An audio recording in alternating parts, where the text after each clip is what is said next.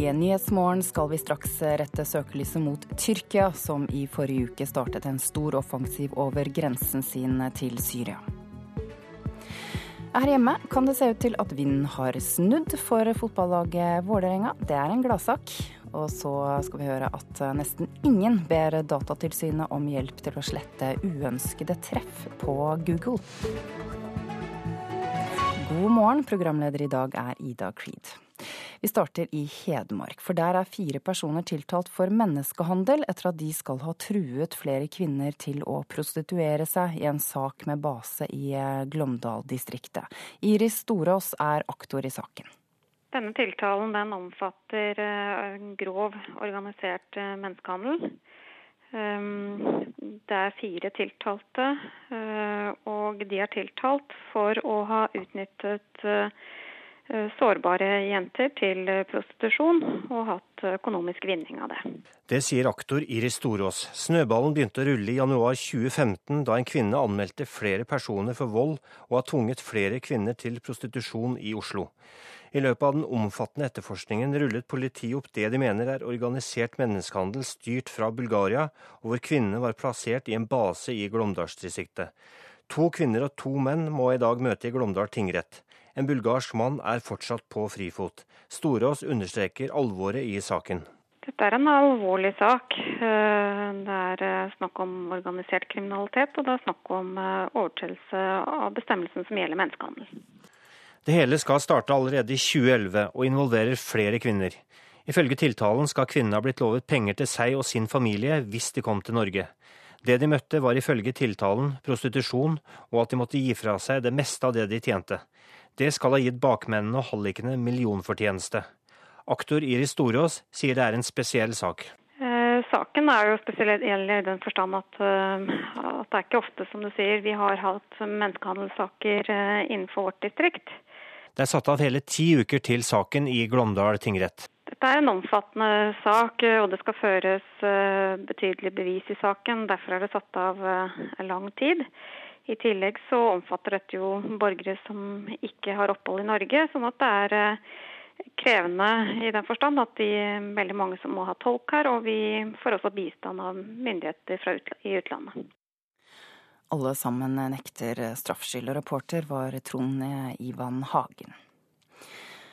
Tyrkia startet altså i forrige uke en stor offensiv over grensen sin til eh, Syria. Målet er ifølge president Recep Tayyip eh, Erdogan både terrorgruppen IS, men også å stanse den kurdiske YPG-militsens eh, fremrykking. I helgen har det vært kamper, og mange sivile er drept i tyrkisk angrep. Redaktør for nettstedet Tyrkisk politikk.no, Morten Myksvold, dette er veldig komplisert. Hvorfor gjør Tyrkia dette? Nei, det er som du sier, De vil først eh, presse IS eh, vekk fra den tyrkiske grensa. Eh, og så er den andre delen av angrepet å holde kurdisk avansement tilbake igjen. En vil holde kurdiske kontrollerte områder øst for Eufrat. De er redd for at hvis, hvis kurderne får, får rykke enda mer fram vest for, for Eufrat, så kobler de sammen to Eh, kurdisk-kontrollert eh, område, eh, og kan dermed lettere opprette en, en egen stat. Mm. Men, men, objektivt sett, har de grunn til å frykte det? De har det, for så vidt. Det har allerede blitt, blitt erklært en, en, slags autonomi i de kurdisk-kontrollerte områdene i Nord-Syria. Så, så Tyrkias bekymring er jo for så vidt reell. Eh, I tillegg så er, er Tyrkia bekymra for at de som styrer i, i Nord-Syria, eh, har veldig tett kobling til PKK-militsen, eh, som, som Tyrkia, tyrkiske myndigheter er i krig med i Tyrkia. Hva risikerer Tyrkia med denne militære operasjonen?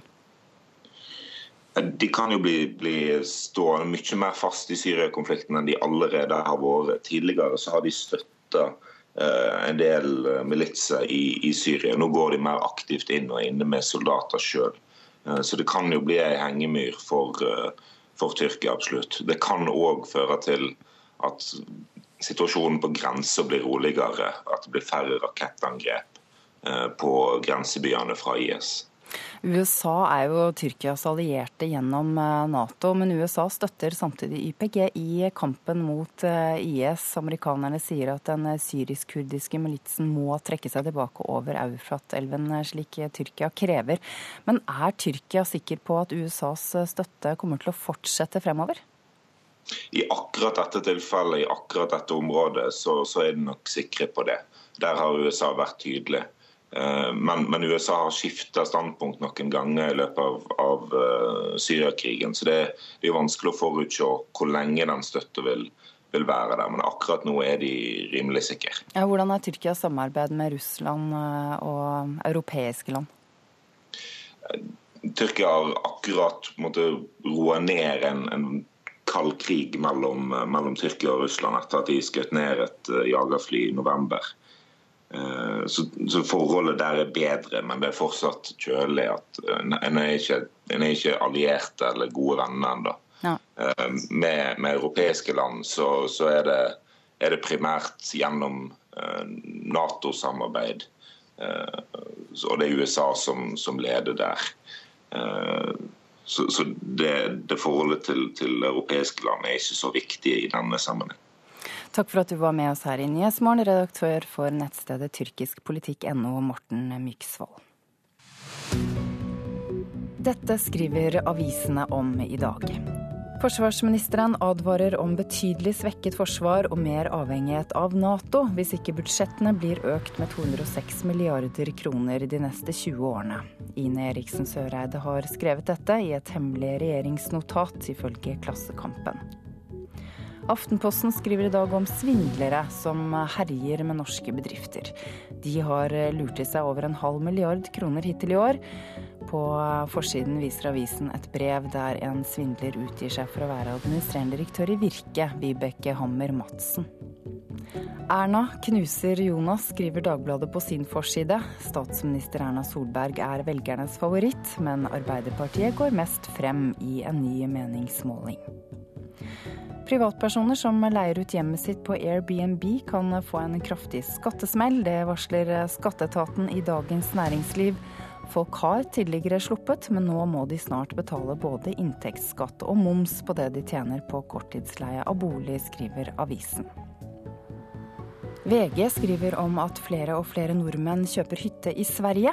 Bedre standard på veiene har ført til kortere kjøretid over grensen, og det gjør det enda mer attraktivt. Det handler om voldtekt i Dagsavisen. Forfatter Heidi Helene Sveen mener voldtektsdebatten i dag minner om 50-tallets debatt om i hermetegn løsaktige kvinner. Mona og Tor Arne Lierhagen orker ikke lenger drive med sau. I sommer har ulven tatt halvparten av beitedyrene deres, og de sier til Nasjonen i dag at de ikke ser noen annen utvei enn å slutte. Nordmenn tilbys surrogati via Sverige, skriver Vårt Land i dag. Og et eh, israelsk firma tilbyr dette i USA og Ukraina. Høyre-politiker Geir Kvarme, som selv har blitt far ved hjelp av metoden, etterlyser en lovendring, mens eh, partiet KrF mener dette er kjøp og salg av barn. Og det handler om kjøp og salg i Finansavisen. Avisen skriver på sin forside om gründerne bak selskapet Comfor, som har takket nei til noen amerikanere som ville kjøpe. Gründerne ble tilbudt 500 millioner kroner, men eh, sa nei fotball nå. Jeg sa tidligere at dette var en gladsak, men jeg har fått protester på det. Alle er visst ikke enige, men Vålerenga har hatt en tung vårsesong, men nå har vinden snudd for Oslo-laget. Vålerenga har ikke tapt på sju kamper, og i går var det Odd som ble slått. Og nå øyner trener Kjetil Rekdal en liten medaljemulighet.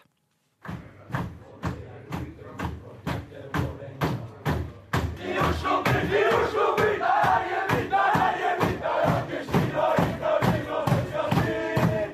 Stemningen var god i Vålerenga-garderoben etter at Oslo-laget hadde slått Odd 2-1.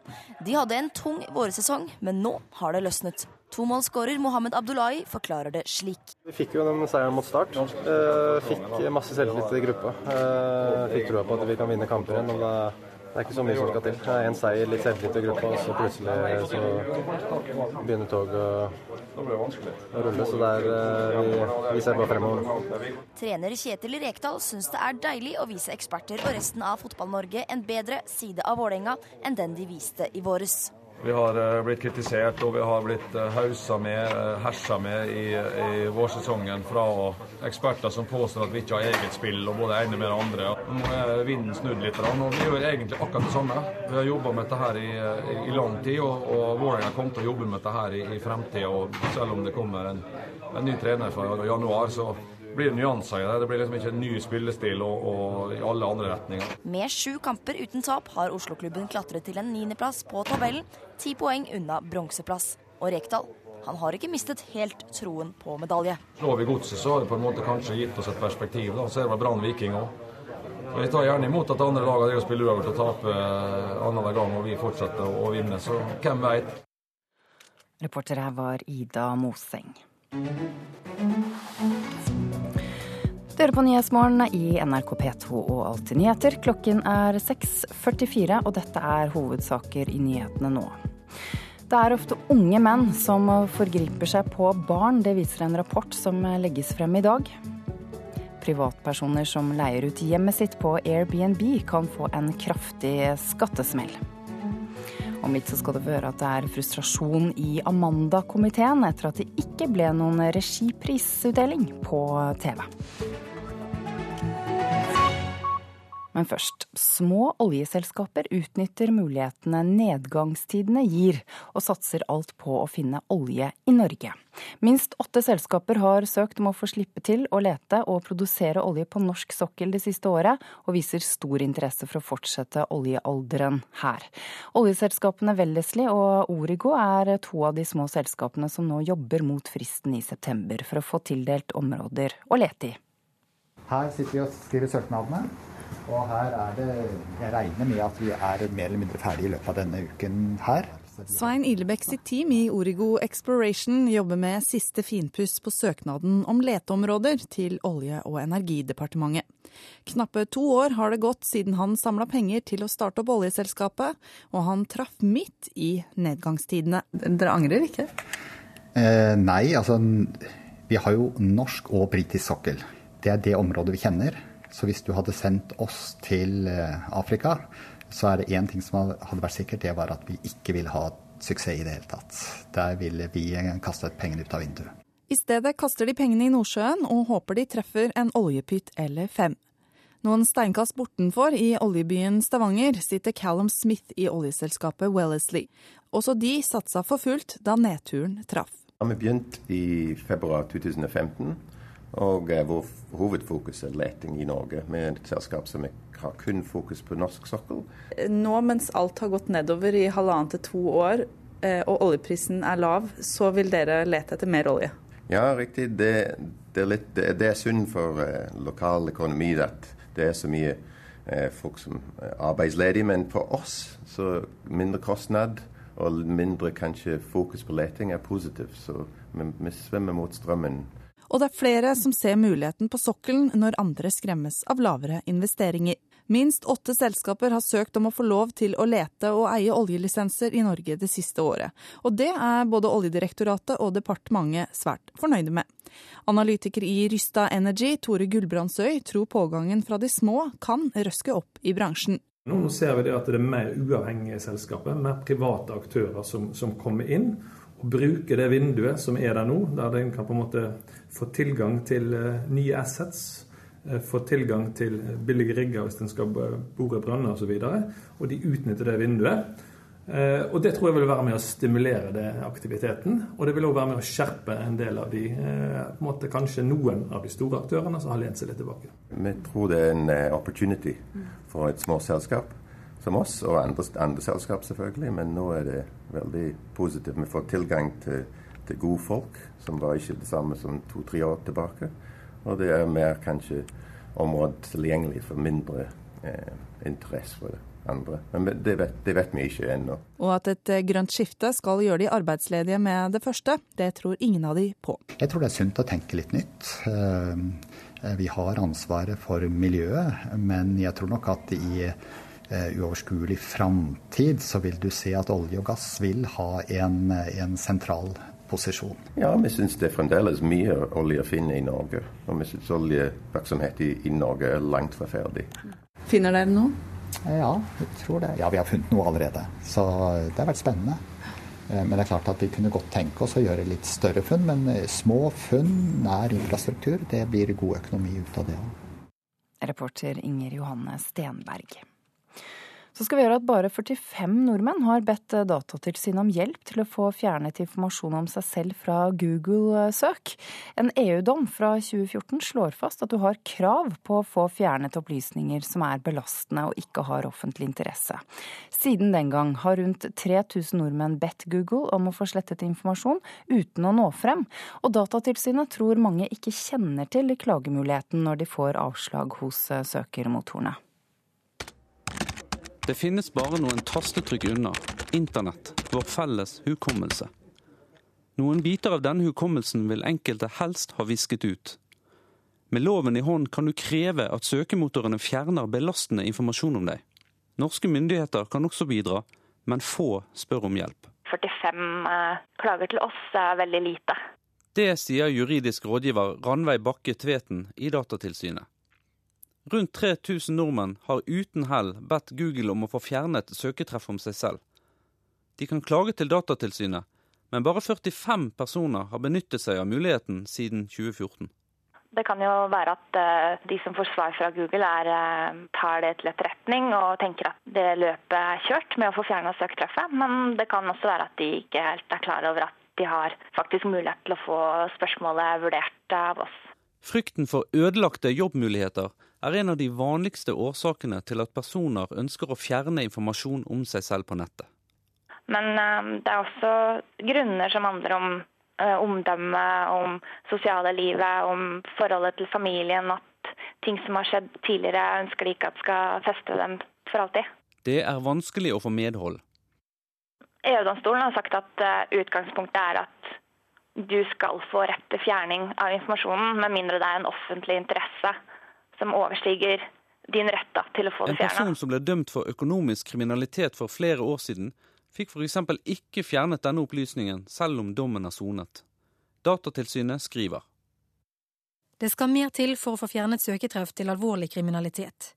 Klageren er fortsatt involvert i driften av en økonomisk virksomhet og etter vår vurdering innebærer dette at søketreffene fremdeles er relevante. En person hengt ut på en nettside som dømt sedelighetsforbryter, fikk derimot slettet søketreffet hos Google etter å ha klaget. Slik begrunner Datatilsynet den avgjørelsen. Søketreffet har en svært avslørende og belastende tittel. Det er lett tilgjengelig for allmennheten og er trolig en stor belastning, særlig med hensyn til klagers familie våre vurderinger blir eh, lytta til av eh, søkemotorene. Ja, Google Norge ønsker ikke å kommentere denne saken. Reporter var Christian Lura. Popdronningen Beyoncé ble den store vinneren av årets MTV Video Music Awards. Prisene for årets beste musikkvideoer deles ut for 31. gang i New York i USA, og showet er akkurat nå avsluttet. Reporter Petter Sommer, hvor mange priser ble det på Beyoncé Knowles? På Beyoncé så ble det hele seks av eh, de 14 prisene som eh, ble delt ut, og hun vant for eh, tre forskjellige videoer faktisk denne gangen. Og en av prisene det var den gjeveste av dem alle, årets video. Den fikk hun for låta 'Formation', som er en veldig politisk låt som viser solidaritet med dem som jobber mot politivold mot svarte i USA. Og vi skal høre litt av denne vinnerlåten 'Formation' nå.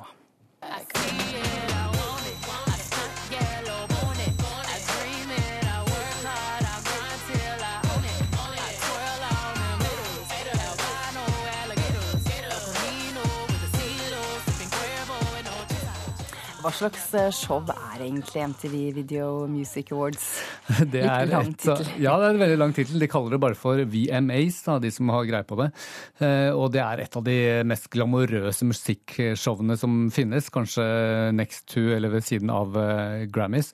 Der musikkens aller største stjerner hyller, hyller hverandre og opptrer på scenen. Og i år så fikk publikum bl.a. se Britney Spears opptre live for første gang på mange år samt eh, veldig forrykende opptredener av både Rihanna og Beyoncé, så det var ganske kvinnetungt i år. Mm. Heldigvis, vil vel kanskje mange si. Og eh, så er det også et sted hvor det har vært veldig mange storslåtte og ikke minst skandaløse og merkelige opptredener opp gjennom årene, som det blir snakket om i veldig lang tid etterpå. F.eks. da en foroverlent og nesten naken Miley Cyrus vrikka så mye på rumpa for tre år siden så at eh, alle begynte å snakke om eh, dette begrepet twerking, eller tverking, da, som vi begynte å si her i Norge. Er det noe som tyder på at det blir noen sånne skandaler etter eh, årets show, eller? Eh, så langt så har det vært ganske stille, egentlig. Det har vært mer sånn politisk eh, tilsnitt til årets utdelinger. Så hvilke andre artister har vunnet priser under årets awards, da? Vi kan jo nevne at Coldplay fikk prisen for beste spesialeffekter, og at David Bowie post mortem da, vant pris for Black Star-videoen. Den vant for beste art direction, som vel kan oversettes med kunstnerisk uttrykk.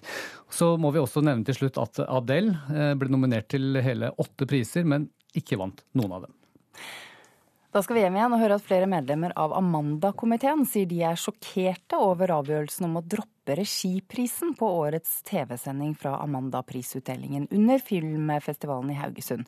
Filmregissør Erik Poppe mener avgjørelsen var et feilgrep som aldri må gjenta seg, og nå varsler komiteen at de vil ha en intern oppvask. Optimistiske Prisdrysset var stort under Amanda-prisutdelingen som ble vist på TV 2 fredag. Men blant alle utdelingene var det én pris som manglet. For i år var ikke prisen for beste regi med i TV-sendingen. Det er en avgjørelse som har skapt flere reaksjoner, også blant medlemmene av Amanda-komiteen. Det er ikke noe gøy å sitte som filmregissør i den komiteen og føle at uh, og at dette kan skje. Det sier Marianne Kleven, forbundsleder i Norske filmregissører og medlem av årets Amanda-komité. Hun stiller seg undrende til at store deler av Amanda-komiteen ikke var med på å avgjøre at årets regipris ble tatt av TV-sendingen. Norske filmregissører ble ikke orientert gjennom eh, Amanda-komiteen, og det oppleves som veldig beklagelig. Og Kleven får også støtte fra leder for Norsk Filmforbund og medlem av Amanda-komiteen, Sverre Pedersen. Jeg synes jo dette burde vært eh, grunnlag for et møte i komiteen slik at komiteen fikk gjort en beslutning. Det er en prinsippavgjørelse som må da skje i det kollegiet som faktisk bør gjøre den typen beslutninger. Det er klart Vi kan beklage at for enkelte føler seg overkjørt, men det vil bestandig være uenigheter innad i en komité. Det sier Tonje Hardersen, festivaldirektør for filmfestivalen i Haugesund, hvor Amanda-utdelingen fant sted. Hardersen var den som sammen med produksjonsselskapet og TV 2 tok avgjørelsen om at årets regipris ikke skulle bli sendt på TV. I år så valgte vi å erstatte regiprisen, altså utdeling av regiprisen med, med beste utdeling beste foto i selve TV-showet. Og Det var fordi at vi fikk høre at mottakeren av regiprisen i dessverre ikke kunne komme. Og det ble rett og slett dårlig TV av å ikke ha en vinner til stede. Det ødela flyten i programmet, og vi ville lage et best mulig TV-show. Det der virker jo altså, det virker som man lager en helt ny problemstilling. Det finnes et utall av måter å løse det på som brukes gjennomgående i alle sånne prisutdelinger. Det sier filmregissør Erik Poppe, som mener at avgjørelsen om å fjerne regiprisen fra TV-sendingen aldri burde skjedd. Hvis det er den øverste lederen av filmfestivalen som har satt hele sin Amanda-komité til siden og tatt en beslutning, som markerer at man ikke har forståelse for, for regissøren som, som, den sentrale premissleverandøren for film. Da kommer hun skjevt ut fra hoppet. Det har aldri vært eh, filmfestivalens mening å devaluere regiprisen eller å si at regissør ikke er viktig. Det var jo aldri meningen å tilsidesette komiteen. Vi fikk aldri samlet komiteen og diskuterte grundig med dem. Og det er klart, hadde komiteen eh, hatt anledning til å si det de eh, enkelte medlemmer sier nå, så tar man det til etterretning. Absolutt. Vi skal ta et møte, i oss ned i Romak og diskutere dette med Amanda-komiteen og sørge for at, eh, at, alle blir hørt. Og så tar vi en evaluering vi gjør hvert år, og så ser på hva vi eventuelt, eh, hvordan vi gjør det neste år. Reporter Brage Berglund. Her er værvarselet som gjelder for det neste døgnet.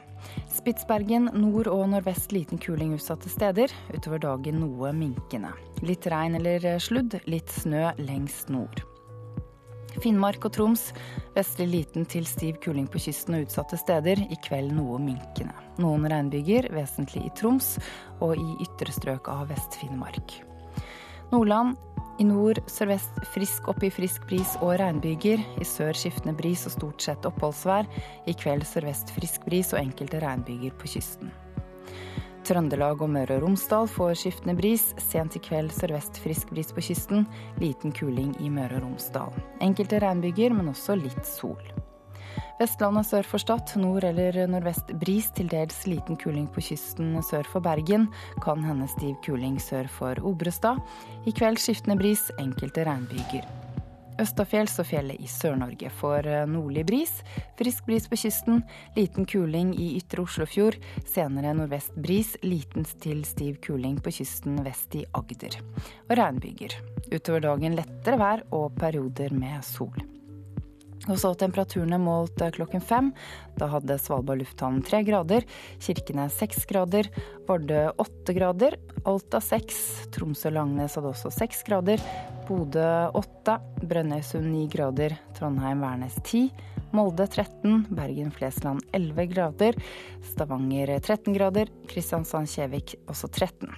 Gardermoen hadde 10 grader og Lillehammer 10 grader også, Røros 5 grader og Oslo-Blindern 11 grader, altså målt klokken fem i dag tidlig.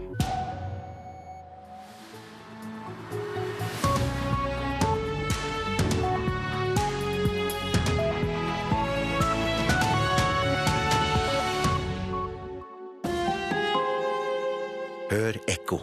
Du har møtt han eller henne flere ganger.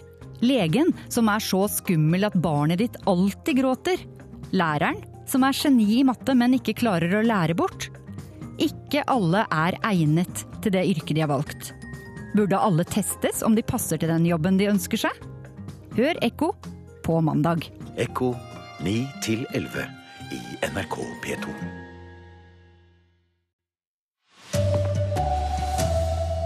Halvparten av de innsatte i norske fengsler sliter med rus. Jonas Gahr Støre har vært borte 30 av 32 komitémøter det siste stortingsåret. Her er NRK Dagsnytt klokka sju. Rundt halvparten av de innsatte i norske fengsler sliter altså med rus, det viser en ny studie. Skien fengsel er det trolig enda flere, det sier leder for rusmestringsenheten Terje Bendiksen. Som ett av 14 fengsler har Skien en egen avdeling for innsatte med rusproblemer. Siden oppstarten for fire år siden har mellom 80 og 90 innsatte fått rushjelp. Vi er på en måte ferdig med det idet de går ut, men vi har holdt kontakten fordi at eh, tidligere innsatte har valgt å holde kontakten med oss. Veldig mange går det utrolig bra med.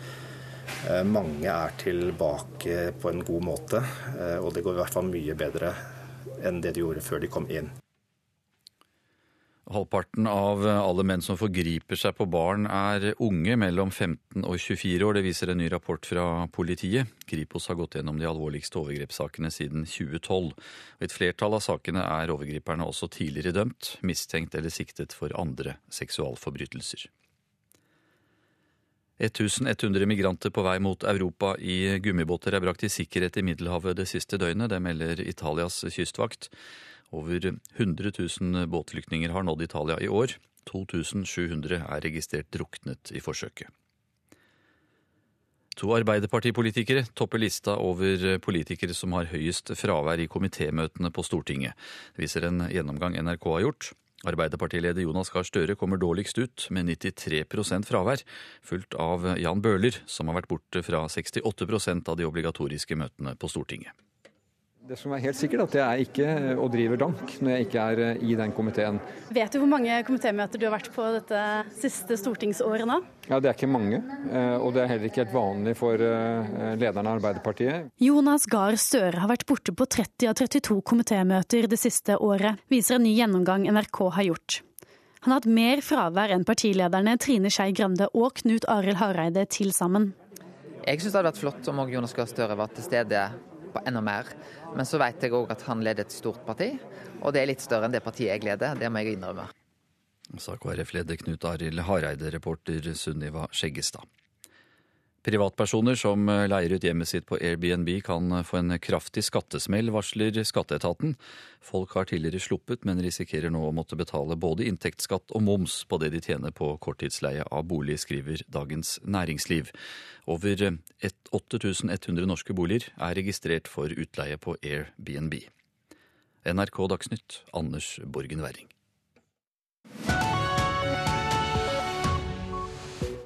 Her i Nyhetsmorgen fortsetter vi med at halvparten av alle menn som forgriper seg på barn, er unge mellom 15 og 24 år. Det viser en rapport fra politiet som legges frem i dag. Kripos har gått gjennom de alvorligste overgrepssakene siden 2012. Og i et flertall av disse sakene er overgriperne også tidligere dømt, mistenkt eller siktet for andre seksualforbrytelser. Vi kaller dem ofte gamle griser, men det stemmer ikke, skal vi tro Kripos sin nye analyse. Overgripere som misbruker barn seksuelt, er ofte unge menn. Kripos har gjennomgått og analysert 107 av de alvorligste overgrepssakene her i landet siden 2012. I mer enn halvparten av sakene var seksualforbryterne unge menn, 15 til 24 år.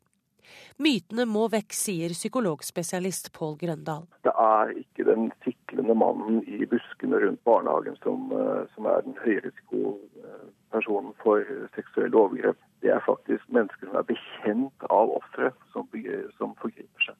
Det er fedre, stefedre, det er brødre, det er mødre. Det er naboer, det er folk som jobber med barn. Det er de som, som forgriper seg.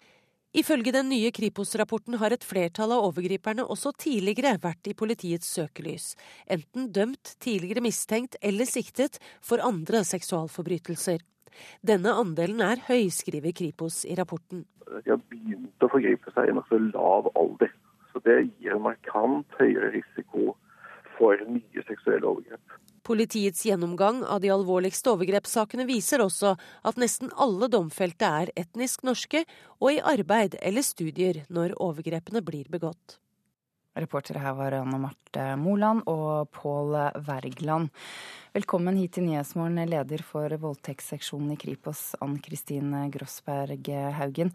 Vi hørte at de fleste overgriperne er relativt unge, men hva mer vet vi om dem? Ja, I sakene vi har sett på, så, så, har veldig mange av gjerningspersonene de har startet med overgrep i ung alder. I over halvparten av sakene så har overgrep skjedd mellom 15 og 24 år. Og mange fortsetter jo. Eh, så for oss er det viktig å få stansa overgriperen tidlig. Han må fanges opp eh, mye tidligere, og der må også mange utenfor politiet da hjelpe til. Eh, og For at politiet skal kunne greie å sette en stopper for det her, så er det viktig at vi får um, informasjon. Vi må få barn til å fortelle, til å komme til politiet, eller til å prate med voksne som de stoler på. I dag starter dere en kampanje rettet nettopp mot barn og unge. Kan du fortelle litt om hvorfor dere gjør det?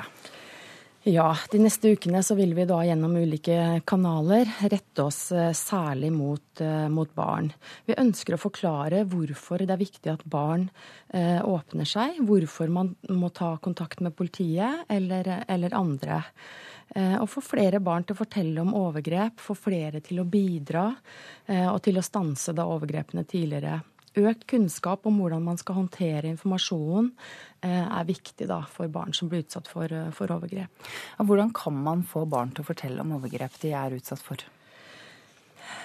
Ja, eh, det er det er vanskelig, og overgrep skjer mot barn hver eneste dag i Norge. Mange overgrep blir dessverre aldri avdekka. Eh, men det er viktig eh, for oss eh, at vi får stansa disse eventuelle pågående overgrepene. Så man må da ikke holde på, på alle hemmeligheter. Det er viktig å komme til, til politiet, bl.a. Når barn venter med å fortelle, hvilke konsekvenser får det for etterforskningen?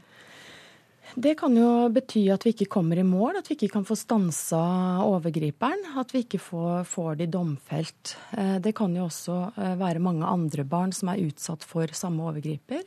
Og da er det klart viktig at, eh, at man kommer og melder, sånn at vi får stoppa det. Det handler jo veldig mye om eh, voldtekter og debatten rundt det. det er, jeg syns jo det, det er ganske mye av dette i mediene. Er det en fare for at det også kan bli for mye? At barn kanskje kan bli mer redde enn de trenger å være? Det er ingen grunn til at barn skal, skal være redde for det. Og om, om det politiet kan virke skremmende, så er det veldig mange andre barn forhåpentligvis kan stole på. Vi samarbeider jo med veldig mange, og det er viktig at, eh, at barn forteller. Og så er det ikke så viktig om det er politiet de går til, eller det er andre voksenpersoner. Takk for at du kom hit til Nyhetsmorgen, Ann Kristin Grossberg Haugen i Kripos. NRK har gått gjennom 365 referater fra Stortingets komiteer. Av alle stortingspolitikerne kommer Arbeiderpartileder Jonas Gahr Støre dårligst ut. Han har vært borte på nesten alle komitémøtene i Stortinget det siste året. Det som er helt sikkert, at jeg er ikke og driver dank når jeg ikke er eh, i den komiteen. Vet du hvor mange komitémøter du har vært på dette siste stortingsåret nå? Ja, Det er ikke mange, eh, og det er heller ikke helt vanlig for eh, lederen av Arbeiderpartiet. Jonas Gahr Støre har vært borte på 30 av 32 komitémøter det siste året, viser en ny gjennomgang NRK har gjort. Han har hatt mer fravær enn partilederne Trine Skei Grande og Knut Arild Hareide til sammen. Jeg syns det hadde vært flott om Jonas Gahr Støre var til stede på enda mer.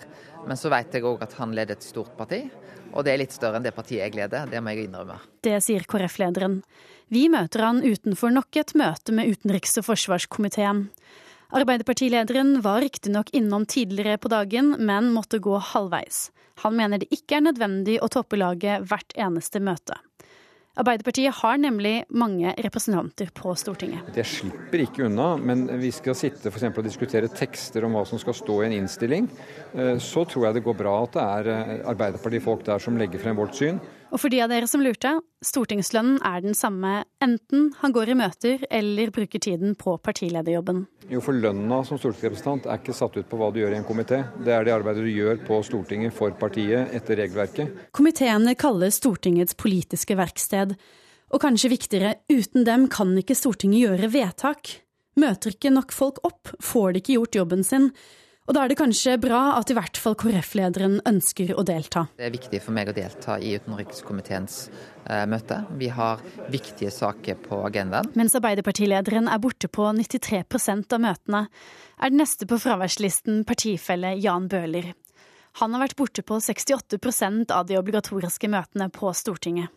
Jeg er veldig klar over det høye fraværet, men det henger eh, sammen med det da, at jeg har hatt en helt eh, ny rolle i denne perioden, som, som hvor politikken, altså storpolitikk ligger på tvers av komitéområdene. Reporter Sunniva Skjeggestad. Professor emeritus i statsvitenskap ved Universitetet i Oslo, Trond Nordby. Hva syns du om at toppolitikere som Jonas Gahr Støre ikke prioriterer komitéarbeidet? Det virker veldig sterkt, eller veldig høyt, fraværet hans. og det første halvåret møtte han ikke opp i det hele tatt. Og nå har han altså da møtt opp to ganger i løpet av den oversikten dere har utarbeidet, og det er heller ikke så veldig mye. Og jeg syns det er en uting, og jeg kan ikke helt skjønne hvilket reglement han viser til. For at partienes stilling er ikke innarbeidet i Grunnloven eller Stortingets forretningsorden. Og når han sier at han får lønn for det arbeidet han gjør for partiet, så er det hans definisjon av hva arbeidet går ut på. For det blir lønnet som valgte stortingsrepresentanter, og ikke som leder for, for partiene. Mm. Dette er ikke første gangen Støre får kritikk for ikke å møte i komiteer. Du har konfrontert ham med det en gang. Kan du fortelle om det? Nei, Han svarte jo da at han eh, skulle ta seg sammen og, og møte fram oftere. Og jeg har tenkt på det seinere at eh, det burde kanskje innføres en ordning der de trekker den statsstøtten de får, den støtten de får til partiene, etter hvor, ofte, hvor, mange som er, hvor stort fravær de har totalt i komiteene. Ja, for hvilken, eh, Hvilke konsekvenser får det at de ikke møter opp? Ja, er jo, De er jo valgt som eh, representanter, og vi stemmer jo på de listene som er lagt ut ved valgene. Og jeg syns det er en liten jeg ville følt meg snytt hvis jeg hadde stemt på Arbeiderpartiet i Oslo kommune, og da den, en av representantene ikke møter opp, heller ikke Jan Bøhler, hørte i særlig grad. Og det er jo veldig uheldig, for at eh, de, hva de gjør i, i komiteene, det, eller utenom komiteene, det er jo det er jo uvesentlig, og det står ingenting om at eh, partilederen skal sitte i Stortinget, men det er skikk og bruk. Og, og det, er, står heller ingenting om det. Og jeg syns som sagt jeg ville, jeg ville føle meg snytt hvis ikke den representanten jeg stemte på, møtte opp i Stortinget. For det er jo stortingsvalg. Mm. Ja, I utenrikskomiteen der Støre sitter, så er det jo da fire andre representanter fra Arbeiderpartiet. Du syns ikke det holder, da? At de ivaretar Arbeiderpartiets interesser? Støre svarte jo det at uh, Anniken Huitfeldt tok seg av på en utmerket måte politikken i komiteen. Og det gjør hun sikkert. Men uh, det, de har jo da, det er en, en form for skulk at han ikke møter opp, for at han burde møte opp oftere enn som så og sette sitt preg. Men det, det er kanskje et lite unntak for, eh, for eh, forsvars, utenriks- og forsvarskomiteen, som det heter nå. Fordi at, eh, fordi at norsk utenrikspolitikk og, og, og forsvarspolitikken, militærpolitikken, er blitt så sammenfiltret. Så det er jo en, et sted hvor de diskuterer viktige ting. Og det har vel kanskje å gjøre med at det ikke er noe særlig opposisjon i Norge mot uh, politikken på det området. Det er et konsensusområde. Så mye ligger fast. Og han svarte jo også, nå hørte jeg at eh, han ikke syntes det var noe særlig vits i å møte opp når de driver og skriver komitéinnstillinger. Og det er det, det er det, komiteen gjør, at de lager innstilling til de forslagene som normalt regjeringen legger fram for Stortinget for en komité. Mm. Og så lager de en innstilling som Stortinget da debatterer og voterer over. Takk for at du kom hit, eh, Trond Nordby. Og eh, det blir mer om dette i Politisk kvarter. Ja, vi snakka med en av de få som møter opp på absolutt alle komitémøter. Han mener at også partitoppene bør prioritere komitéarbeidet høyere. Men ikke alle er enige i at det er så avgjørende som vi har hørt om her. I Politisk kvarter klokken 7.45 på denne kanalen. Ja, det er Nyhetsmorgen du hører på, og dette er hovedsakene våre nå. Halvparten av alle menn som forgriper seg på barn er unge mellom 15 og 24 år, viser en rapport som legges frem i dag. Jonas Gahr Støre har vært borte på 30 av 32 komitémøter det siste stortingsåret, som du akkurat hørte. Om litt så skal du få høre at i Colombia har FARC-geriljaen nå kunngjort våpenhvile fra midnatt natt til i dag.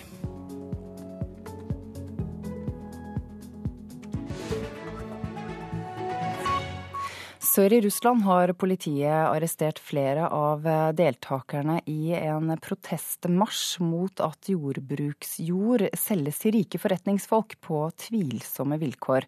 Protesterende bønder hadde opprinnelig planer om å kjøre traktorer helt til Moskva, men dette har de nå gitt opp. Korrespondent Morten Jentoft, kan du fortelle oss litt mer om dette bondeopprøret sør i Russland? Ja, Det er jo en eh, relativt sjelden foreteelse, og derfor eh, ganske oppsiktsvekkende. Det startet da 21.8 i eh, Krasnodar Rastov fylka sør i Russland.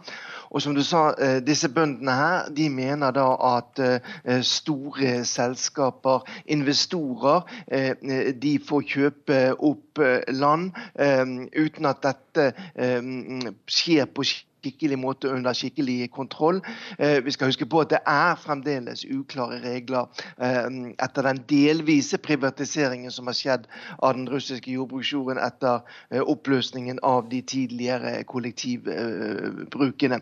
Men her altså mener bøndene at rike investorer som går inn og sikrer seg jorden, som da de selv mener at de har krav på, etter å ha dyrket den under ulike regimer gjennom mange år. Og en av organisatorene, Andrej eh, Basjutin, sier til TV-kanalen Dozj, en av de få uavhengige her i Russland, at uh, arrestasjonene skjedde på privat grunn og derfor ikke kan være lovlig. Men ti av bøndene, de protesterer bøndene, er, uh, er nå altså arrestert. Og selv sier russiske myndigheter at protestene skjedde uten å være godkjent av myndighetene, og at arrestasjonene derfor er lovlige. Det er kanskje ikke tilfeldig at dette skjer samtidig som det er ventet rekordavlinger av eh, bl.a. Eh, korn i Russland? Nei, det er nok ikke helt tilfeldig. Eh, altså, det går mot ny som du sa, rekorder av produksjon av korn i Russland. 115 millioner tonn, hvorav 72 tonn hvete. Russland er igjen verdens største eksportør av eh, korn, og mer enn 40 millioner tonn blir eksportert, særlig til Midtøsten. Ehm, eh, det gjør at eh, landbruksnæringen igjen da er blitt et, mm, et område for investeringer, et av de få i Russland i, i dag. Ellers er jo økonomien her i tilbakegang, eh, bl.a. pga. synkende oljepriser og disse vestlige sanksjonene. Sånn at eh, landbrukssektoren er igjen kan du si, noe som de rike russiske forretningsmennene og selskapene har kastet sine øyne på. Det er nå bare tre uker til det russiske parlamentsvalget. Hva betyr slike protester for utfallet av det? Det er klart at det viser at eh, det ulmer eh, mange steder i det, eh, i det, russiske samfunnet, selv om på overflaten så er støtten til særlig president Vladimir Putin stor. Men den støtten den gjenspeiler seg ikke fullt ut i støtten til partiet til president Putin og statsminister Dmitrij Medvedev, Det forente Russland.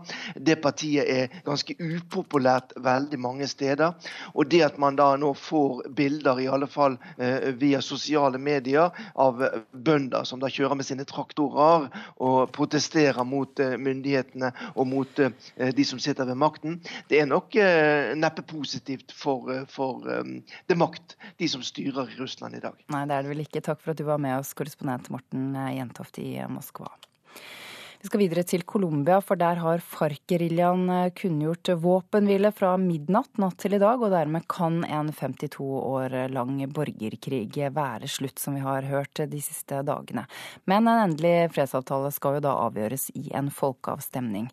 Nå sier tidligere president Alvaro Oribe at eh, innbyggerne bør si nei til en fredsavtale med FARC. Han er sterkt uenig i at FARC-geriljaen kan slippe straff som resultat av denne avtalen om eh, amnesti med myndighetene. Mange vil hilse på og klemme tidligere president Alvaro Uribe. I helgen holdt han en pressekonferanse i hjembyen Santa Marta i Colombia. Etter at mange har feiret en historisk fredsavtale mellom myndighetene og FARC-geriljaen, har den tidligere presidenten satt seg fore å lede en kampanje imot avtalen. Nadie discute la paz, que de acuerdo con la constitución nadie puede discutir. Ingen er imot fred, alle er for fred, men mange i Colombia er som meg, de vil motsette seg avtalen, sier Uribe. Han mener det ikke er en selvfølge at et flertall vil si ja til en fredsavtale med FARC i en kommende folkeavstemning.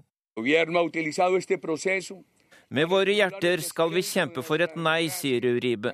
Den tidligere presidenten mener at myndighetene har gitt etter for FARCs manipulasjon og skitne triks.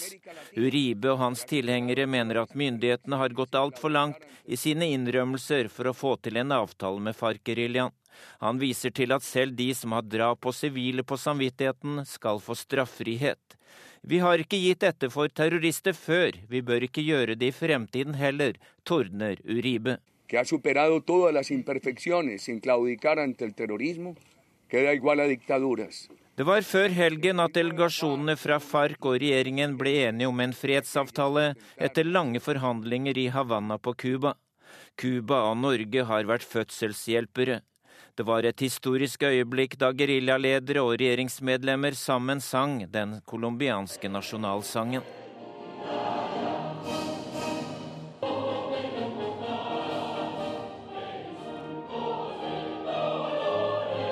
Det var før helgen at delegasjonene fra FARC og regjeringen ble enige om en fredsavtale etter lange forhandlinger i Havanna på Cuba. Cuba og Norge har vært fødselshjelpere. Det var et historisk øyeblikk da geriljaledere og regjeringsmedlemmer sammen sang den colombianske nasjonalsangen.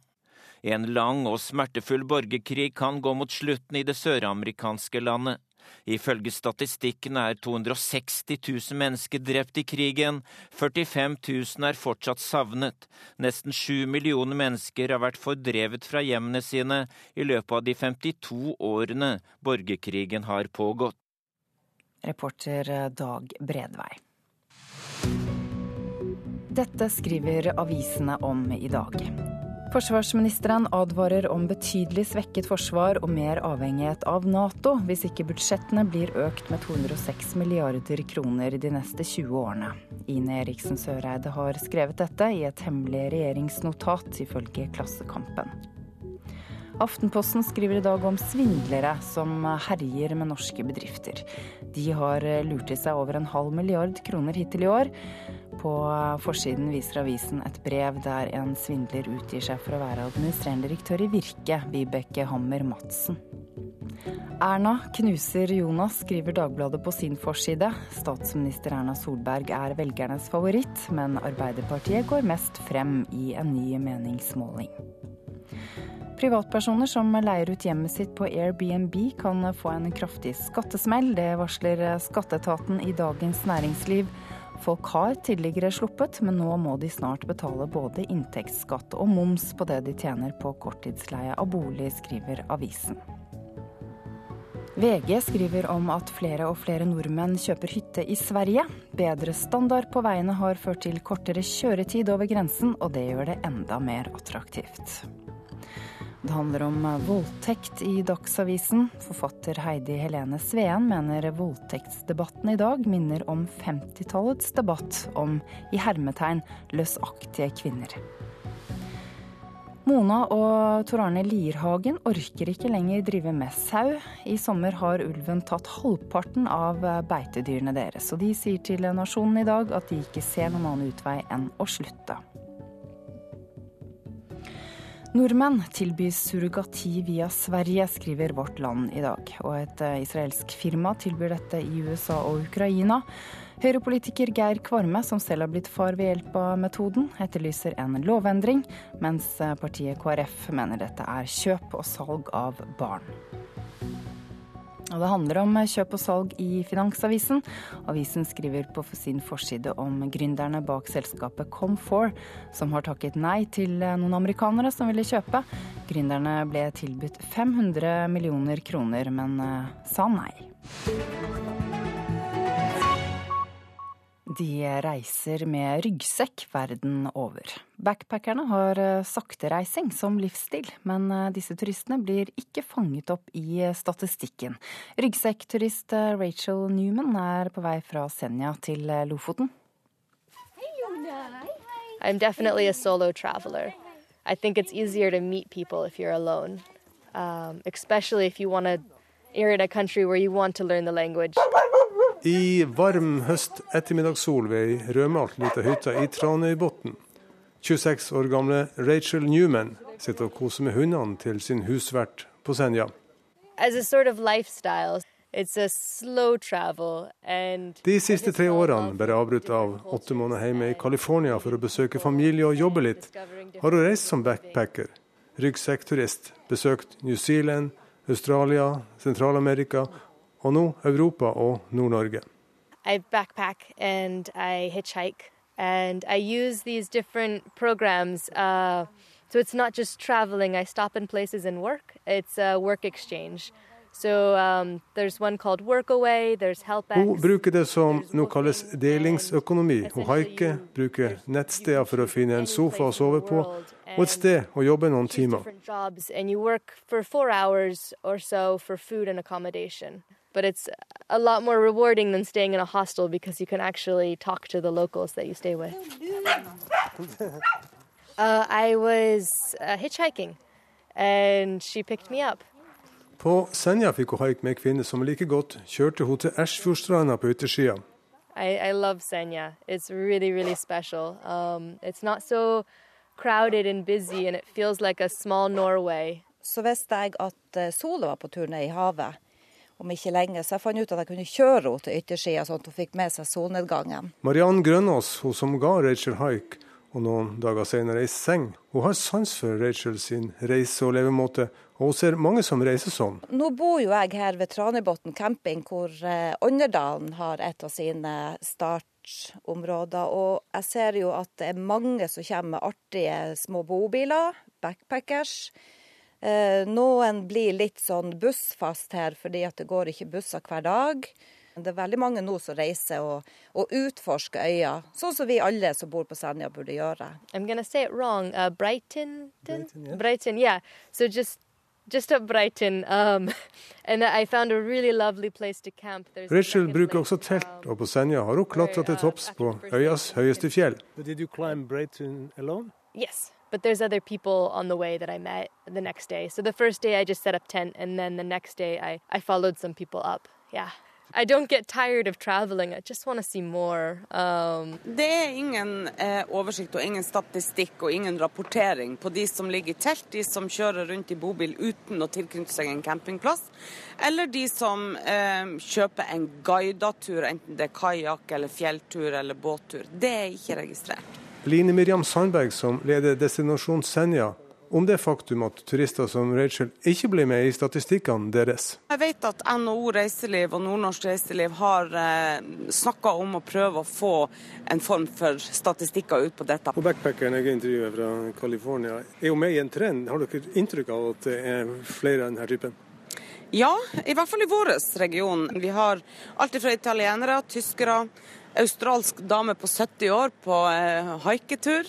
Det er en del ut av det, og sykling. De spør ikke så veldig mye etter overnatting. De er en del ut av dem, ja. I've met actually a lot of people in, in their 50s. Rachel med sin blålilla ryggsekk og klar for Lofoten etter Senja opplever at mange, i hvert fall amerikanere, søker etter et annet liv ved å reise sånn uten returbillett. I'm leaving tomorrow, uh, heading towards heading back towards Lofoten to do some more camping. Ja, Du hørte amerikanske Rachel Newman, ryggsekkturist på vei fra Senja til Lofoten. Reporter var Arild Moe.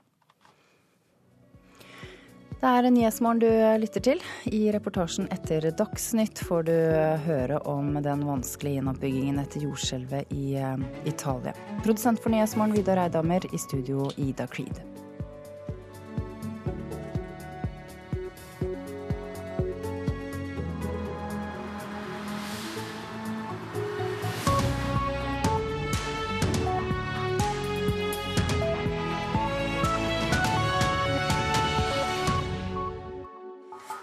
Hør spillerom.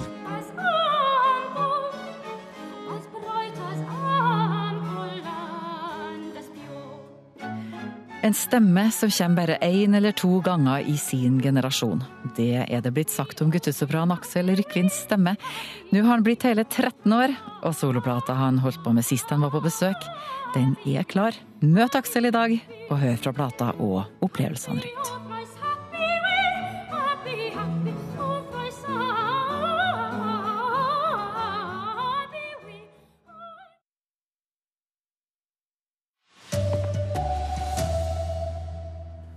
Menn som misbruker barn er ofte unge. Halvparten av dem er mellom 15 og 24 år, viser en ny rapport. Jonas Gahr Støre har vært borte på 30 av 32 komitémøter det siste året. Men jeg driver ikke dank, sier Arbeiderpartilederen. Privatpersoner som leier ut hjemmet sitt på Airbnb kan få en kraftig skattesmell. Her er NRK Dagsnytt klokka 7.30. Halvparten av alle menn som forgriper seg på barn er altså unge, mellom 15 og 24 år. Det viser en rapport fra politiet som legges fram i dag. Kripos har gått gjennom de alvorligste overgrepssakene siden 2012. I et flertall av sakene er overgriperne også tidligere dømt, mistenkt eller siktet for andre seksualforbrytelser. Vi kaller dem ofte gamle griser, men det stemmer ikke, skal vi tro Kripos sin nye analyse.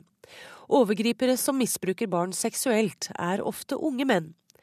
Kripos har gjennomgått og analysert 107 av de alvorligste overgrepssakene her i landet siden 2012. I mer enn halvparten av sakene var seksualforbryterne unge menn, 15 til 24 år. Mytene må vekk, sier psykologspesialist Pål Grøndal. Det er ikke den siklende mannen i buskene rundt barnehagen som, eh, som er den høyrisikopersonen for seksuelle overgrep det er faktisk mennesker som er bekjent av ofre som, som, forgriper seg. Det er fedre, stefedre, det er brødre, det er mødre, det er naboer, det er folk som jobber med barn. Det er de som, som forgriper seg.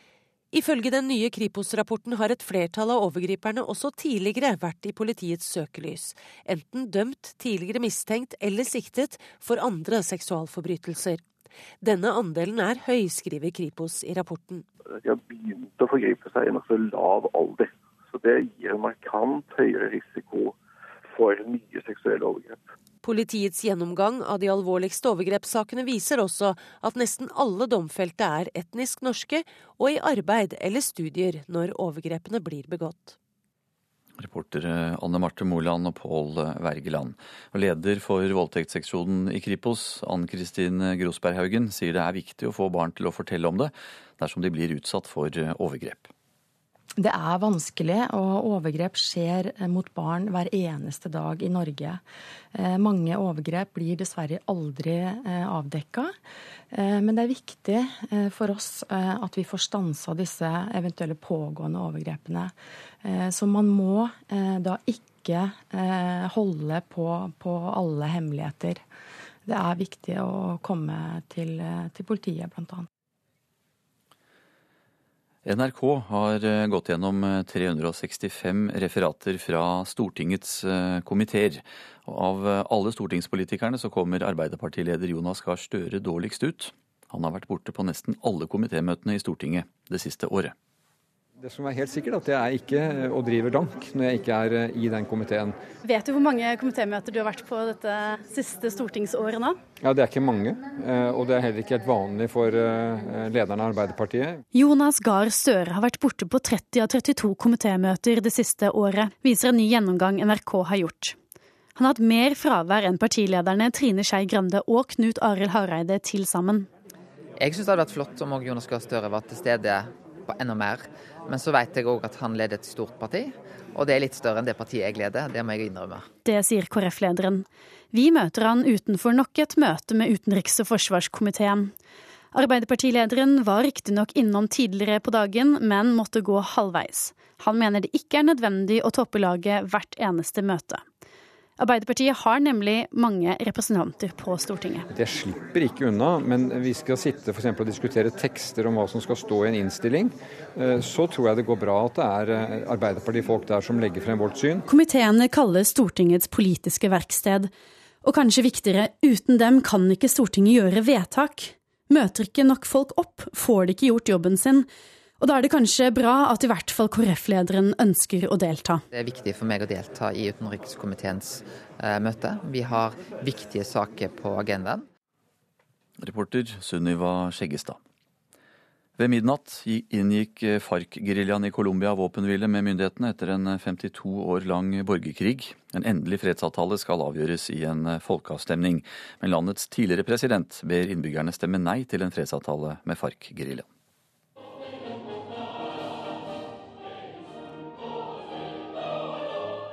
Et historisk øyeblikk i helgen. Ledelsen i FARC-geriljaen synger nasjonalsangen sammen med medlemmer fra regjeringen.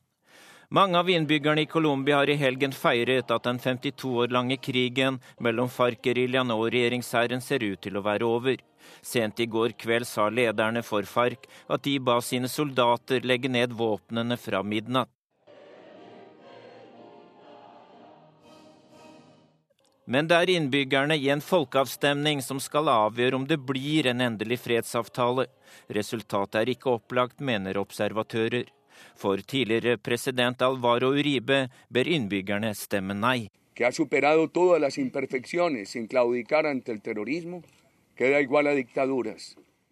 Vi må ikke knele for terroristene, sier han. Uribe er sterkt uenig i at FARC-geriljaen, som har drept tusener av sivile, skal få amnesti og dermed slippe straff. Den tidligere presidenten mener at regjeringen har gitt altfor mye etter i sin iver etter å få på plass en fredsavtale. Vi skal helhjertet gå inn for et nei i folkeavstemningen.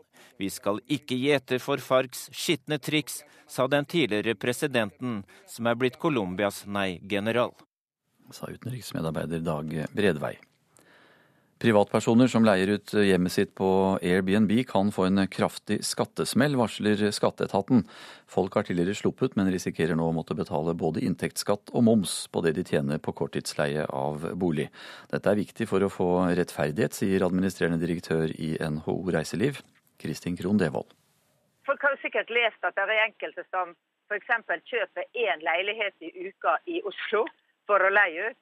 Det er klart, Da har du etter hvert ganske mange leiligheter, og du leier ut som om du drev et slags minihotell. Det er klart, det er veldig urettferdig hvis man klarer å snike seg under skatteplikten ved den formen for utleie, mens en som har et hotell med 20 rom, betaler skatt. Etter å ha mottatt forespørsel fra en privatperson som planlegger å investere i to leiligheter som skal leies ut via Airbnb, er konklusjonen fra Skattedirektoratet at slik omfattende korttidsleie vurderes som virksomhet. Det skriver Dagens Næringsliv. Privatpersoner må derfor belage seg på å betale både moms og skatt dersom virksomheten har et visst omfang og en viss varighet. Direktør i NHO Reiseliv, Kristin Krohn Devold, sier hun er glad for avklaringen. Vi er bare opptatt av at de skattereglene vi har skal praktiseres, slik at det blir rettferdig med folk som lever av å drive romutleie. Men vi vil ikke ta bort noen av de fordelene som har vært for å gjøre det enklere for folk å skaffe seg en hybel i et hus der noen allerede bor, eller for den del de skattefrie reglene for å leie ut ei, ei hytte i sommerferien. Så slik vi oppfatter skattedirektøren, så er det de samme reglene som vi alltid har hatt, men at man begynner nå å praktisere at dem som driver næring i konkurranse med hotell, får samme skatt som et hotell. Reporter Kristine Næss Larsen. My daddy Alabama, mama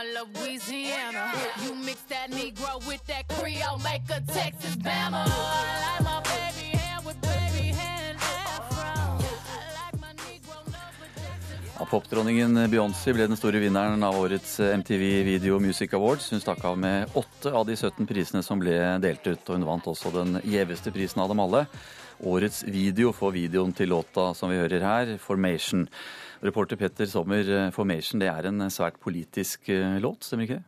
Jo, den handler om politivolden som unge afroamerikanere blir utsatt for i USA. Og i denne videoen så har Beyoncé bl.a. fått med seg mødrene til noen av de drepte. Og disse mødrene gikk også side om side med en veldig alvorlig Beyoncé da hun kom til Madison Square Garden i New York i natt. Ja, hva slags show er egentlig MTV Video Music Awards? Det er et show eh, ved siden av Grammy Awards som er et av de aller største musikkshowene som finnes. Et show som eh, der de aller største stjernene innen musikken står i kø for å opptre for hverandre. Og i år så fikk publikum bl.a. se Britney Spears eh, synge live på scenen for aller første gang på mange år. Takk skal du ha, reporter Petter Sommer. Beyoncé, altså den store vinneren av Video Music Awards til MTV. Og så må vi ta med en kort melding til slutt her, for To personer eh, er drept i en eh, skyteepisode i eh, Kirkenes. Det er politiet som opplyser dette nå. Politiet har ikke full oversikt over hendelsesforløpet og jobber for fullt med taktisk og teknisk etterforskning. Dette er altså en melding vi akkurat har fått inn nå.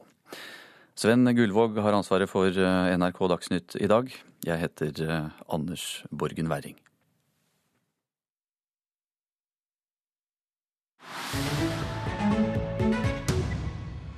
I Italia var det i helgen nasjonal sørgedag etter jordskjelvet som tok livet av nærmere 300 mennesker. Etter hvert skal gjenoppbyggingen av de tre landsbyene som ble rammet, starte. Men å bygge opp en by etter et jordskjelv tar tid. Det vet en annen italiensk by alt om. Og korrespondent Guri Nordstrøm har besøkt L'Aquila, som ble ødelagt under det forrige store jordskjelvet i Italia.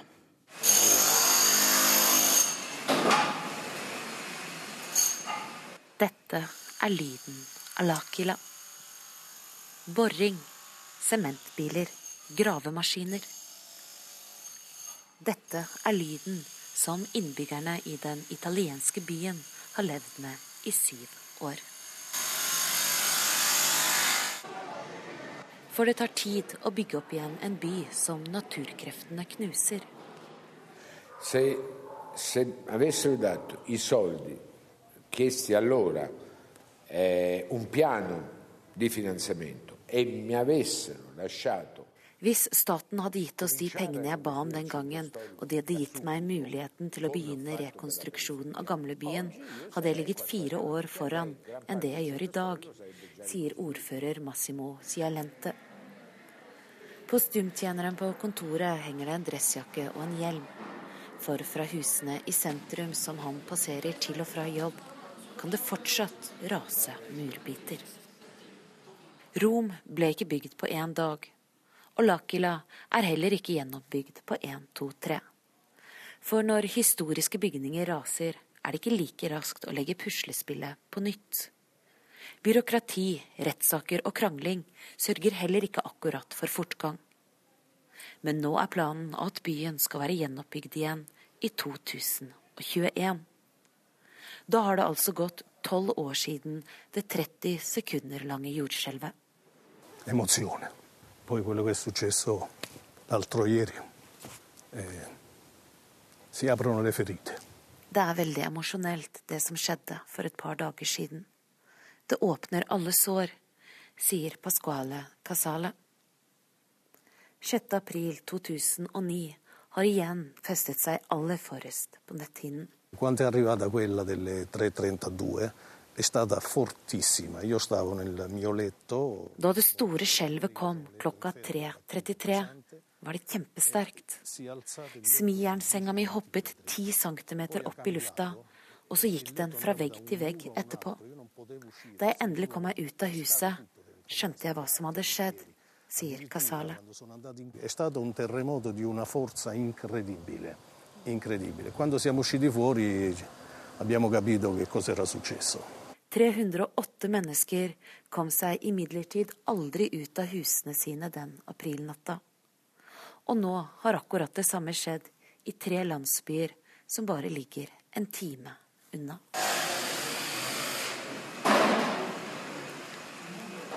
Dette er lyden av Lakila. Snart blir det også lyden av Matrice, Akomoli og Pescara del Tranto.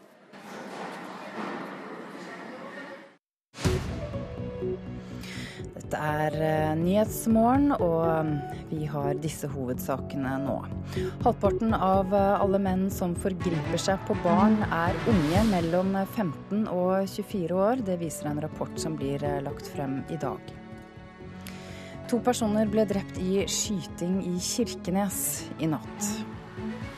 Jonas Gahr Støre har vært borte på 30 av 32 komitémøter det siste året. Men jeg driver ikke dank, sier Arbeiderpartiet-lederen. Nå er det straks klart for Politisk kvarter. Programleder i dag er Håvard Grønli.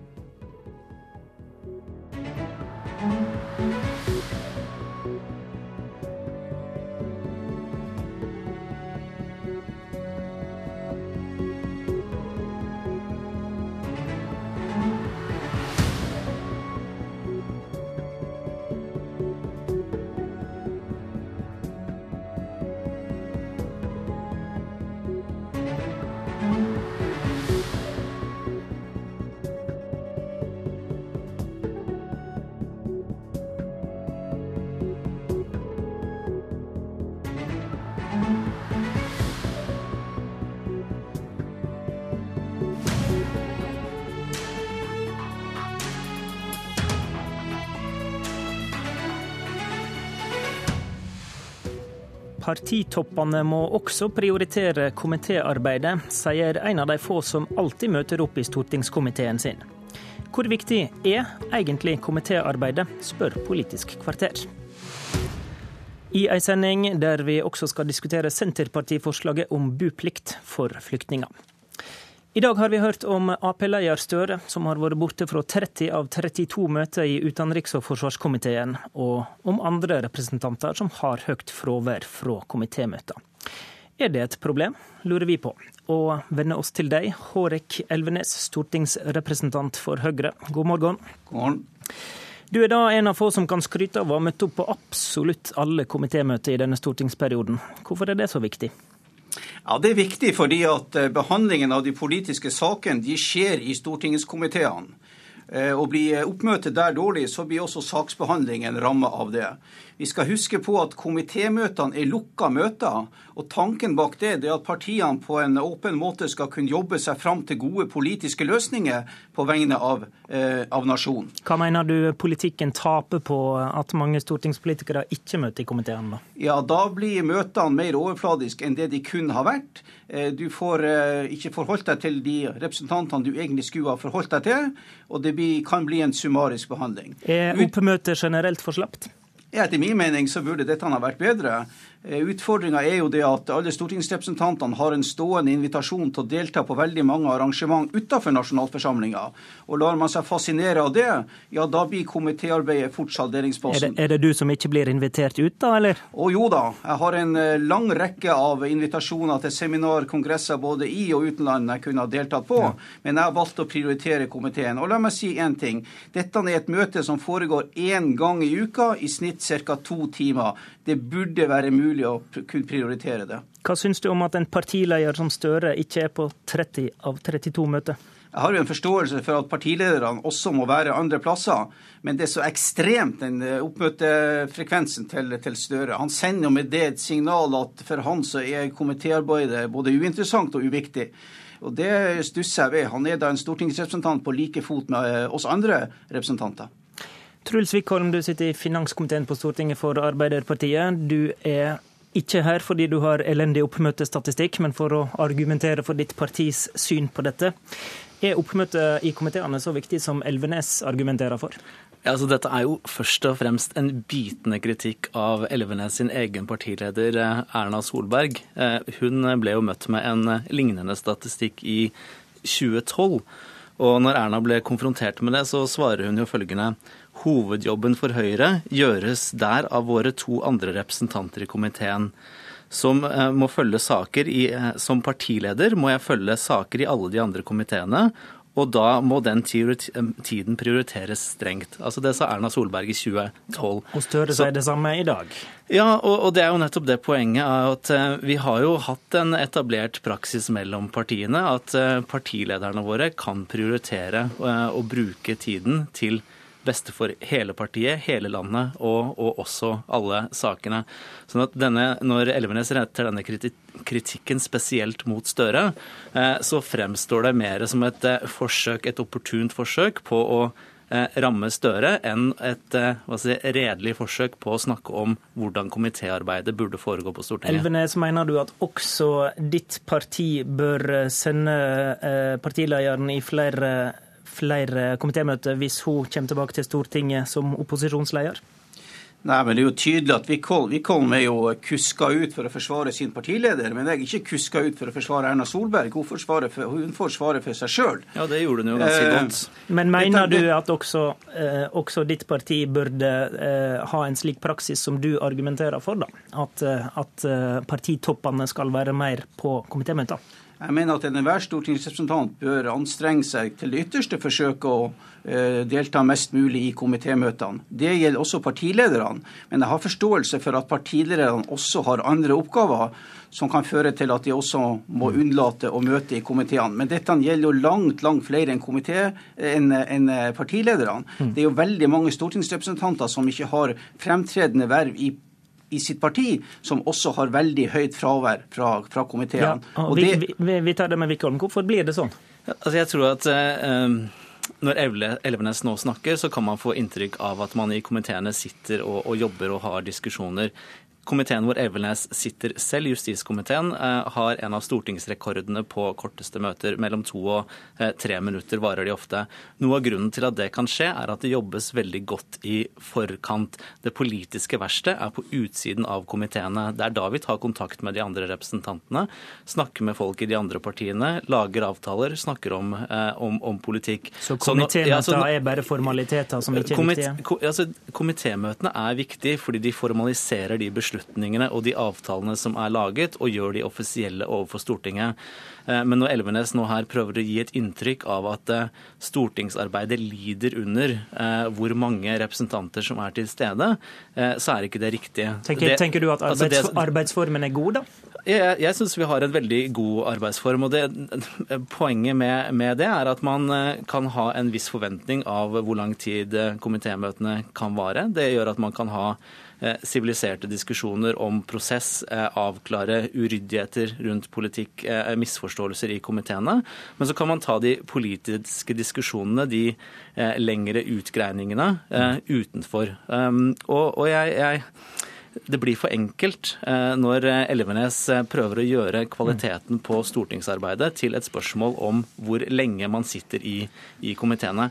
Men, men, men, Vikholm, hør på meg nå, Vikholm. At lederen for Stortingets viktigste opposisjonsparti er borte fra 30 av 32 komitémøter, mener du ærlig talt det er bra nok?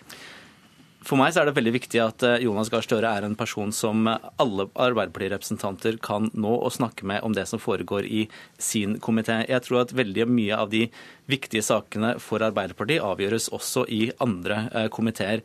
Og det at Jonas Gahr Støre har god innsikt i de, er kjent med hva som skjer, og er med på å ta beslutninger på hva vi skal mene i de komiteene, det er, er, veldig viktig. Og så er det viktig for meg å si at oppmøtet i komiteene er viktig. Det er viktig at det er folk der fra Arbeiderpartiet eh, som har myndighet og, og, og, og rett måte, til å ta beslutninger på vegne av partiet i, i, komiteen. Men det handler ikke nødvendigvis om hvor mange som enhver tid er til stede. Og slik er det vel hos dere også, Elvenes? Ja, For det første så er det jo rett og slett tøv det han sier at komitémøtene i justiskomiteen varer to til tre minutter. I justiskomiteen behandler vi bl.a. lovforslagene, og merknadene til lovforslagene er å betrakte som en del av lovens forarbeid, som også domstolene legger vekt når loven skal eh, praktiseres. Det er et særdeles viktig arbeid. Eh, så det er jo rett og slett feil. Det er jo en karikering. Og det er jo respektløst overfor det Stortinget og den komiteen okay. som man sjøl er medlem i. Så tilbake til Støre. Nei, mine, mine herrer, vi må nesten gi oss her. Dine, dette møtet har vart i åtte minutter, og min innstilling er at vi avslutter her og nå.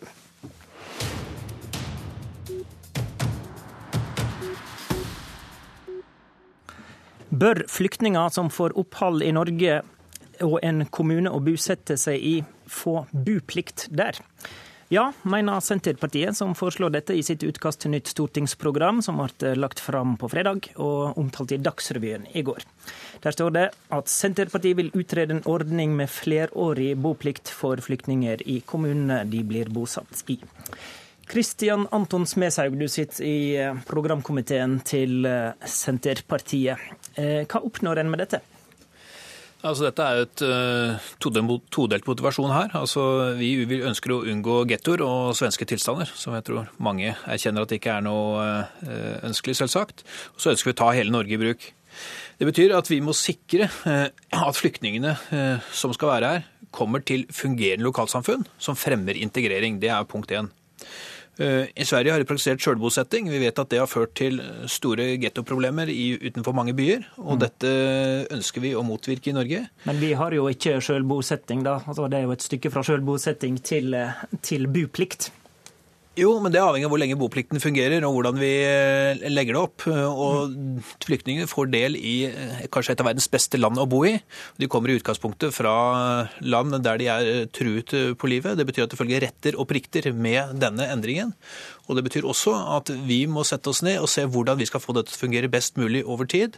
Og med de utfordringene som vi vet at etter hvert bygger seg opp, og som også Oslos politimester har eh, fremmet nå, nå nylig, så er det viktig at vi ser på mm. måter å gjøre dette på, så vi får en balanse i det, tar hele landet i bruk, får fungerende lokalsamfunn eh, til å uh, stå for integreringen, og at det også blir motivasjon i kommunene mm. til å tenke langsiktig, for de vet at dette skal virke over tid. Og så skriver dere uh, flerårig buplikt. Hva betyr det i praksis?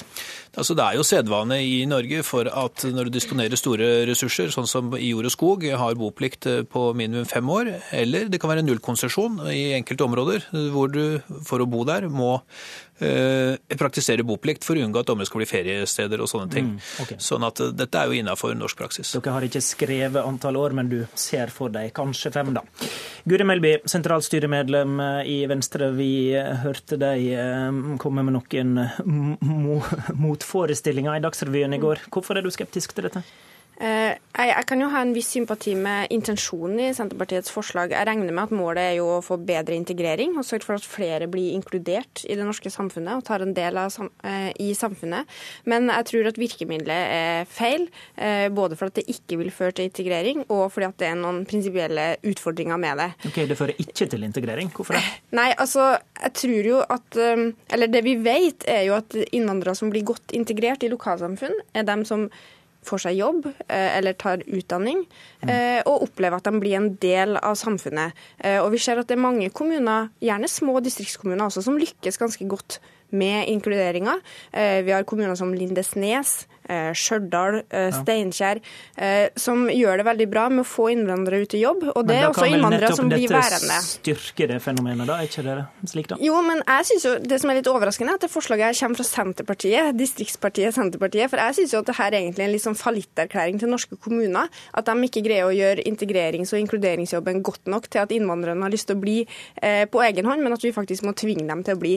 Og jeg tror jo at hvis du har et menneske som ikke trives et sted, og som ikke får det til å fungere, fungere, eh, så tror jeg ikke at det mennesket blir bedre integrert i det lokalsamfunnet hvis vi tvinger det til å bli det noen år til. Og I tillegg så mener jeg at hvis du først har fått oppholdstillatelse i Norge, så må du også ha muligheten til å bevege deg fritt og dra dit som du tror at du kan få jobb og finne venner og andre ting. Smedshaug, det er jo åpenbart et tvangsaspekt her.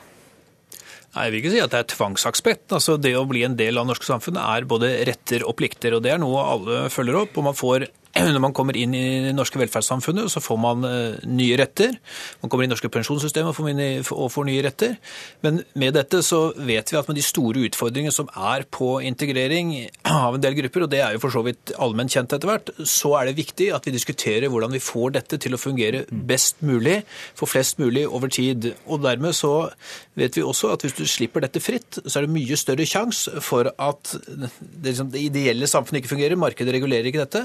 Da må vi være med og, og regulere dette ovenifra Men, for å passe på at ikke, for å passe på at samfunnet får passe mange, sånn at den eh, skal si, balansen i dette fungerer over tid. Men vi skal jo en god del hundre år tilbake for å finne lover som påbød folk å bo på en gitt stad. Ja, men vi påbyr ikke folk å bo på en, en viss tid over veldig lang tid. Jo, men Hvis det er buplikt, så gjør du vel i realiteten jo, jo, over lang tid. Du har jo allerede boplikt i introduksjonsprogrammet. I systemet så ligger det inn to, inntil tre år. Vi ønsker å forlenge det for å sikre langsiktigheten fra begge parter. og Det betyr at begge parter, både kommunene og flyktningene selv, må tenke at ok, her skal vi bygge opp relasjoner over lang tid. Vi kan ikke dra fra dette så fort vi ønsker og inn til eh, en gruppe som man ønsker å komme til fort. Da blir det stabilitet i integreringsarbeidet? Ja, det blir jo forutsigbarhet for kommunene, men spørsmålet er jo hvor mye vi Ja, Og for de som skal bo der.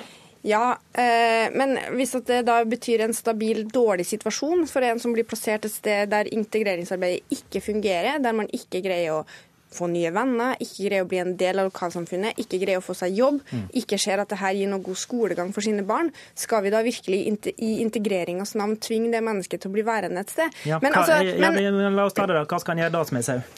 Altså, jeg tror ikke Hovedproblemet i den norske integreringspolitikken er at de lokalsamfunnene ikke greier å gi folk Jo, men hvis det skjer, da?